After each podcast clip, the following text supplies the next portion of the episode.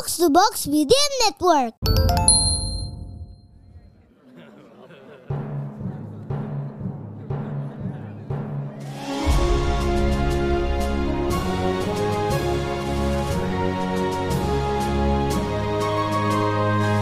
Perhatian, perhatian. Dongeng Paman Geri akan segera dimulai.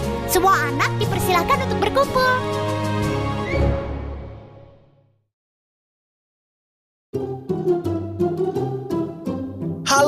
Adik-adik, hai, apa kabar?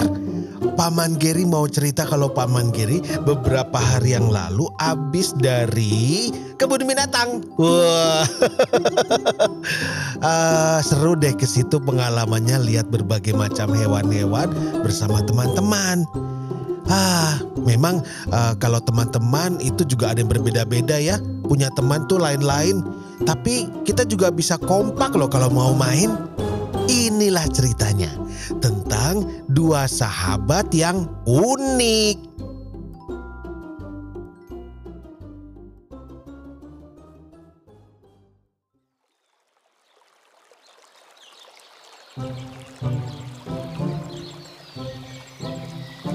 Di sebuah daerah yang rimbun di dekat sungai, ada hiduplah di sana seekor kura-kura besar dengan tenang dan juga damai. Ya adik-adik tahu nggak? Usia kura-kura berapa? Ternyata sudah 99 tahun. Itu berarti tahun depan usianya sudah satu abad namanya. Di usianya yang panjang itu, kura-kura pernah punya banyak teman. Tapi sekarang tidak lagi. Karena dia terlalu banyak mencela segala sesuatu. Misalnya nih, kalau si bangau lagi mencari ikan, kura-kura bilang begini. Hmm, kau yakin bisa mendapatkan ikan dengan cara seperti itu? Paruhmu kan terlalu tipis dan panjang. Harusnya kau menyendok, bukan menggunting. Eh, ya iya. Kalau kura-kura terus begitu, tidak heran teman-temannya menjauh. Mungkin kura-kura ingin menasehati. Tapi, ya caranya itu jadi seperti mencela. Akibatnya, sudah bertahun-tahun si kura-kura tidak punya teman. Ia tinggal sendirian, mencari makan sendirian, dan juga tidak punya teman mengobrol. Agak sedih juga ya adik-adik ya. Pada suatu hari, ada keributan di sekitar sungai. Hewan-hewan berlarian dari arah muara. Mereka terdengar panik dan terburu-buru. Ada manusia! Ah, ah, ah. Mereka membuat ledakan-ledakan di muara. Ah, ah. Batu dan air dan pasir dan tanah semua berterbangan ke segala arah. Wah, wah, wah, wah. Apa? Manusia? Apa yang mereka lakukan di muara?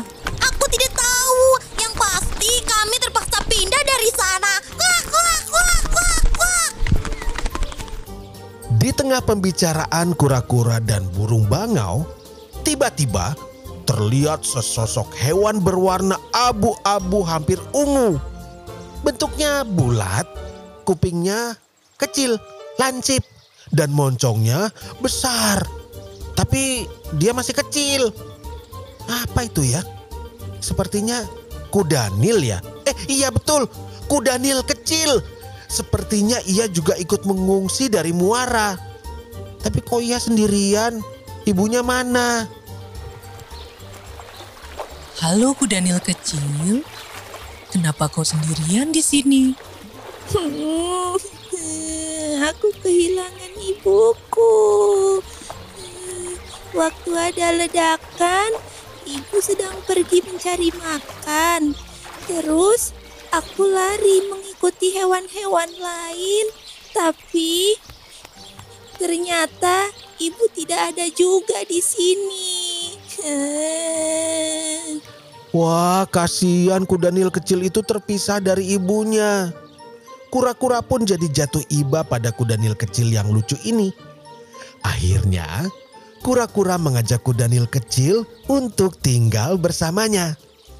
Kudanil ikut saja karena ia tidak kenal siapa-siapa lagi. Sejak saat itu, kura-kura dan kuda nil kecil tidak pernah terpisahkan. Ke mana-mana mereka selalu bersama. Kura-kura senang karena ia sekarang punya teman mengobrol. Dan kuda nil kecil juga senang karena kura-kura mengajarkannya banyak hal dan sangat perhatian padanya. Seperti seorang ibu kepada anaknya. Kuda nil kecil dan kura-kura melalui hari demi hari, minggu demi minggu, dan tahun demi tahun bersama-sama. Sampai akhirnya si kuda nil kecil sekarang sudah tidak kecil lagi. Tubuhnya besar sekali seperti seekor kuda nil yang sehat. Kura-kura jadi terlihat kecil kalau dibandingkan kuda nil.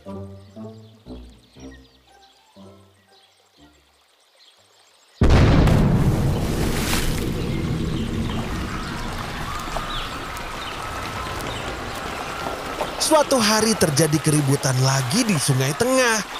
Tapi kali ini bukan hewan-hewan yang menyelamatkan diri dari ledakan di muara. Kali ini ledakannya terjadi di Sungai Tengah. Ternyata para manusia mencoba meratakan daerah sekitar sungai untuk dijadikan tempat wisata. Para hewan panik dan lari ke sana kemari. Ibu kura-kura, ayo kita pergi dari sini.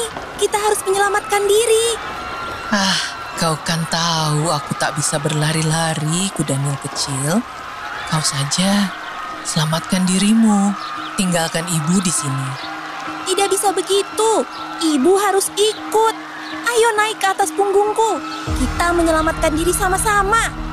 Kura-kura terharu mendengar permohonan kuda nil kecil. Lalu perlahan-lahan naik ke atas punggungnya. Kura-kura sudah terlalu tua. Ia sulit mendaki tubuh kuda nil yang tinggi besar itu. Melihat perjuangan ibu kura-kura dan kuda nil, hewan-hewan lain jadi ikut terharu. Mereka baru menyadari bahwa si kura-kura sebenarnya adalah hewan yang baik. Akhirnya mereka bersama-sama menolong kura-kura untuk naik ke punggung kuda nil kecil yang sekarang sudah tidak kecil lagi. Semua hewan di sungai tengah melarikan diri dari manusia. Mereka menemukan tempat yang tenang dan damai lagi. Tapi entah sampai kapan mereka bisa tinggal di sana.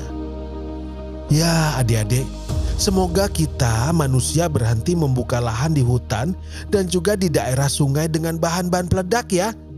Supaya hewan-hewan di sana tidak kehilangan tempat tinggal. Kasihan kan?